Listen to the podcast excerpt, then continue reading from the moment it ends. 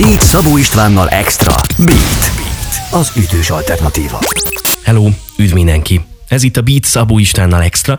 Én Szabó István vagyok, és ezen a héten újra felhívtam telefonon keresztül Molnár Gábort, a Gold Record ügyvezetőjét és tulajdonosát. Izgalmas és tanulságos témát hozott nekünk. Az induló zenei produkciók helyzetéről beszélgetünk a jelenlegi magyar piac tekintetében, és elmesélte, milyen zenei felületek állnak rendelkezésre, ahol bemutatkozhat egy-egy új produkció, és egyáltalán, ha zenész vagyok, akkor milyen bemutatkozó anyagot küldjek egy kiadónak, vagy menedzsernek managementnek indítom a beszélgetést, amely Molnár Gáborral készült. Beat Szabó Istvánnal Extra. Beat. Beat. Az ütős alternatíva. Ez a Beat az ütős alternatíva. A stúdióban a mikrofonnál Szabó István, a telefononál túlvégén pedig már Molnár Gábor, a Gold Record ügyvezetője és tulajdonosa. Szia, üdv itt az éterben újra és ebben a hónapban is. Üdvözöllek, szia, köszönöm, köszöntöm a hallgatókat is. Hálásan köszönjük, hogy újra itt vagy, visszatérő vendégként. Tegyük fel, hogy van egy induló zenekarom, és mondjuk nem is vagyok tehetségtelen. Mennyire van könnyű vagy nehéz helyzetem ma Magyarországon? Nagyon ö, erős a kérdés, mert, ö, mert talán, hogyha lehetne helyzetet mondani az induló produkciókra a mai könnyűzenei ö, ö, háttériparba, az talán most lenne.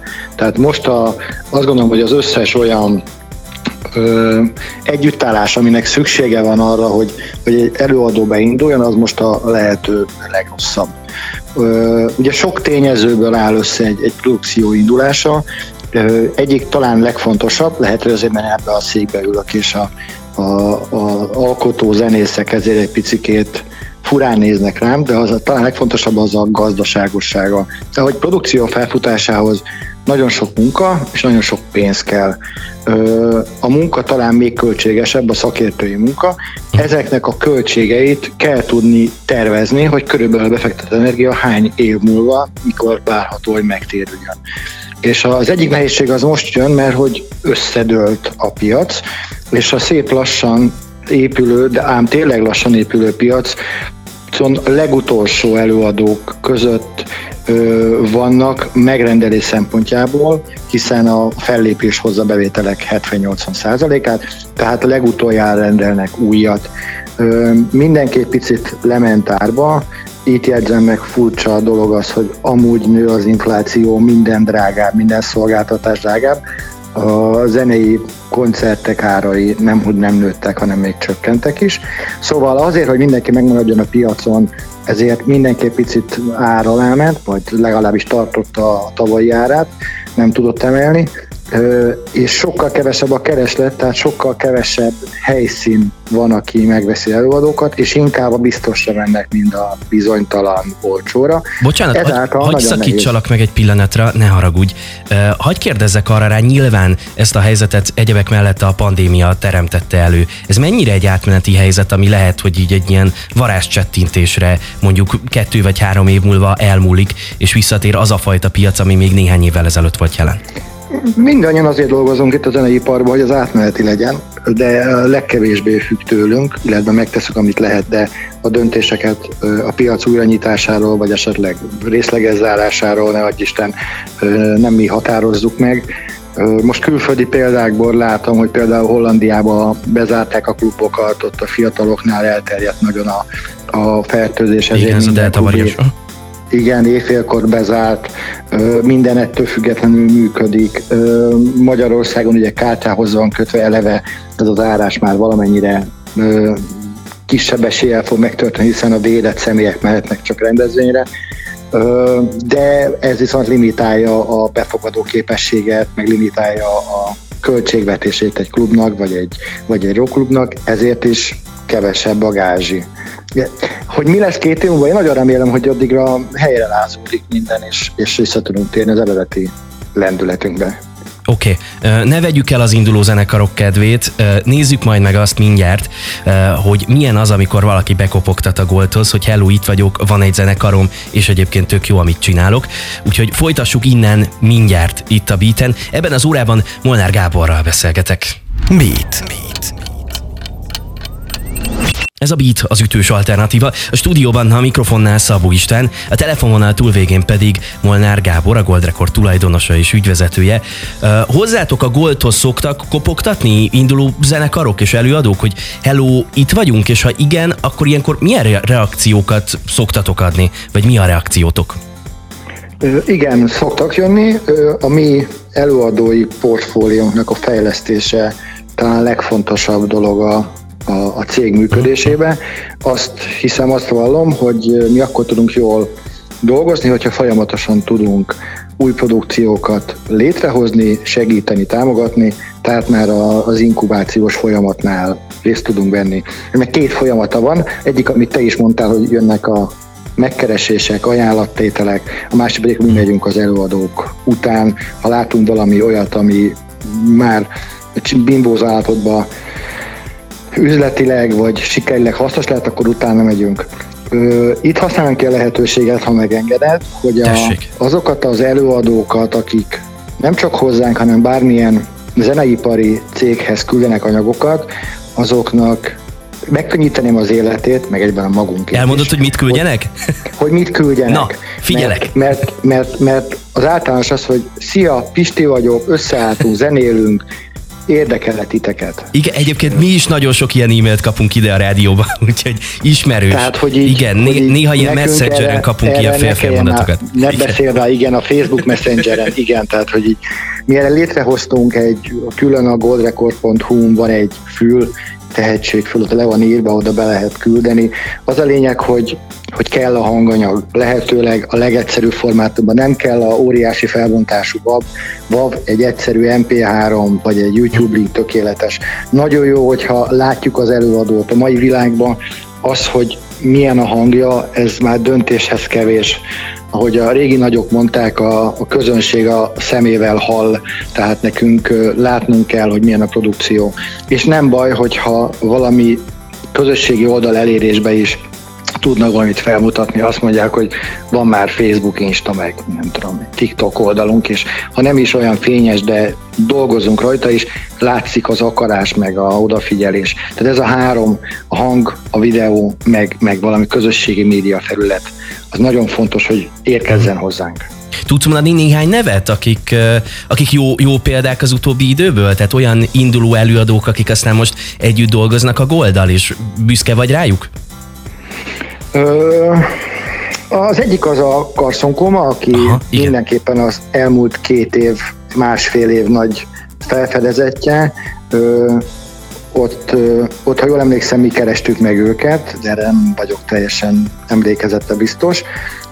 A, a másik példa, ami nagyon szépen alakul, az a Luca projektünk, Igen. ahol, ahol szintén egy, egy együttműködés, ott azt hiszem, hogy itt a Luca részéről jött keresés, ő az Alexel, meg Del Hello-val már duettezett, tehát hogy elég jó a lendülete, hogy jött. Hú, és most kicsit ráparáztam, hogy valaki kifelejtsek, de attól elnézek. Most ezt a kettőt így hirtelen kiemelném, amiben így, így dolgozunk. Még annyit visszacsatolnák az előzőhöz, az előző témához, hogy ettől függetlenül nem vagyunk kétségbeesve, mert, mert azért szépen jönnek az előadók, és maximum mi úgy állunk hozzá, hogy sokkal hosszabb megtérülés várható. És itt már egy alkufolyamat a művész és a menedzsment között, hogy ez a megtérülésben mennyire tudunk részt venni. Tök jó, hogy mondtad Luca nevét, mert uh, ahogy itt elkezdtél beszélni arról, hogy induló zenészek, induló énekesek, és hogy zajlik egy ilyen együttműködés, nekem pont rögtön az ő neve jutott eszembe. Innen folytatjuk majd mindjárt a beszélgetést. Drága jó hallgatók, ebben az órában Molnár Gáborral beszélgetek, és ez a Beat az ütős alternatíva. Beat. Beat. Ez a Beat az ütős alternatíva, a stúdióban a mikrofonnál Szabó Isten, a telefononál túlvégén pedig Molnár Gábor, a Gold Record tulajdonosa és ügyvezetője. Folytatjuk a beszélgetést, induló zenekarok, induló énekesek, hogy velük mi a helyzet. E, mik azok a zenei felületek, ahol egy ilyen induló előadónak jelen kell lennie és be kell mutatkoznia? Sokszor el szoktam mondani, és sajnos most se úszja meg se a műsorvezető szerkesztő, se a hallgató, hogy, hogy megváltozott a médiapiac, amin keresztül el tudunk jutni a közönséghez, a zenéket meg tudjuk tanítani. Régen ez egyetlen a rádió volt, Az elmúlt három-négy éve, mióta megszűnt az utolsó kereskedelmi rádió is, illetve ami lett, az ugye retrót játszik, amiben nekünk nincsen nagy beleszólások, hiszen 80-as vagy 90-es évektől visszafele játszik zenét, tehát újat nem. Azóta nem igazán született vagy talán egy, de az is véletlenül rádiós láger, az, a, az az ultimate sláger nincsen. Innentől, innentől alternatív utakat kellett keresnünk, nekünk is, és az összes feltörekvő előadónak, meg már a meglévőknek is újabb dalai bemutatására, és az leginkább a, az internet lett. Ö, úgy néz ki, hogy ez most két pólusúvá vált. Van egyrészt a YouTube, ami, ami inkább a, vidéki közönséget éri el, hmm. és van a Spotify, ami inkább a nagyváros Budapest közönségét. Ezt a zenei fogyasztásból látjuk, hogy melyik zenét hol, hol, hol, hol tudjuk eljutatni a közönséghez, és ezekre kell a lehető legjobban optimalizálni a tartalmat, hogy a közönséget elérjük. És akkor bocsánat, ebben egy új megjelenő színfolt vagy valami a, a TikTok, mert hogy egyre több olyan nemzetközi kutatást is látok, ami az új zenék felfedezésében kifejezetten megjelöli a TikTokot, mondjuk amerikai felméréseket látok. Igen, ezt jól látod, Magyar, TikTokot mi is követjük. Magyarországon több mint két millióan használják a mhm. TikTokot, ennek a 80%-a nő, és ha jól tudom, 70% a 18 év alatti. Tehát ezek alapján, a számok alapján egy nagyon szűk rétegét fedi le a lakosságnak. Annyiból, annyiból igazad van, hogy viszont az a, az a szabály, vagy nem tudom én, rendszer, hogy a könnyűzene gerjesztői, mozgatói mindig a tinédzserek, mindig a fiatalok. Uh-huh ez erősíti ezt a trendet. Én azt gondolom, amerikai számokat nem tudok, de azt gondolom, hogy Amerikában egy szélesebb közönség fogyasztja ezt, és ezért van az, hogy TikTok alatt lévő zenék fel tudnak nőni slágerekké.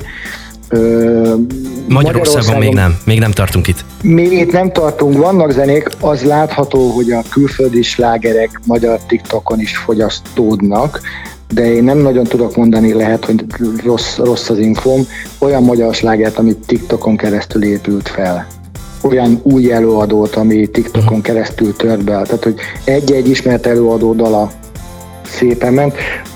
Talán tudok is, de ezt se a TikTokra fogható, amikor elkezdtünk X-faktorozni Manuellel, akkor kijöttek a, a dalai a műsor alatt, és ott valami horror mennyiségű TikTok dal készült el, de ilyen 50-100 ezeres mennyiségű dal felhasználás lett, ami, ami nagyon-nagyon-nagyon sok. Köszönöm szépen, hogy ezzel kapcsolatban elmondtad a véleményedet, vagy hogy te hogyan látod ezt szakmán belülről. Az utóbbi időben zenészekkel erről tök sokat beszélgettem. Izgalmas volt ezt tőled is meghallgatni, hogy, hogy te ott onnan hogyan látod. Még egy a beszélgetés végén hadd legyen egy olyan kérdésem, mi ugye itt a rádióban a hangfoglaló program induló előadóival kiemelten foglalkozunk. Ők egy évig kapnak szakmai segítséget, pénzt, paripát, fellépési lehetőséget, de egy év után részben saját lábra kell állniuk, és hát ilyenkor néhány zenekar ebben el szokott bukni. Neked mi a tanácsod ezeknek a zenekaroknak az egy év után? Hú, ez elég komplex kérdés. Én mindenképpen azt mondanám, hogy nagyon sok jó példa van, én nagyon támogatom ennek a programnak a, a működését, létrejöttét, egy darab úgy aktív is voltam benne, jó pár előadóval dolgozunk, és akik hangfoglaló, vagy akkor még csatornás program induló zenekarból nőttek ki, például az első ilyen a Margaret Island volt. Én azt gondolom, hogy, hogy, hogy csak azért pályázni erre a pénzre, meg támogatásra, hogy ebből megcsinálunk valamit, az, az szerintem veszett fejsze. Az a jó, hogyha van egy projekt, aminek megvan a teljes íve, amit meg tudunk, ha döcögve is valósítani, meg tudunk valósítani döcögve is a hangfoglaló program nélkül, de a hangfoglaló program ezt színesebbre, széles vásznúra, erősebbre, nagyobb lendületűre teszi. És akkor azt gondolom, hogy a produkció amúgy is életképességébe csak kap egy löketet. Az, aki most áll össze, csinál egy zenét, elkölti a pénzt, és aztán utána nincs tovább terve, az, az szerintem itt, itt, itt, itt bukik el. Tehát ezt nem szabad csak erre támaszkodva építeni, hanem ennek egy része kell lenni egy teljes karrierprojektnek. Uh-huh. Köszönöm szépen, eh, hogy ezeket a gondolatokat is megosztottad velünk, és köszönöm szépen a beszélgetést. Én köszönöm, újra itt lehettem. Molnár Gáborral beszélgettem, a Gold Record ügyvezetőjével és tulajdonosával. Egy hónap múlva újra itt lesz a Beat adásában, ugyanebben az időpontban, úgyhogy figyeljétek majd azt a beszélgetést is. Ez a Beat az ütős alternatíva, ahol robog tovább a műsor. Beatcast. Ez a podcast a Beat saját gyártású sorozata. Beat. Az ütős alternatíva.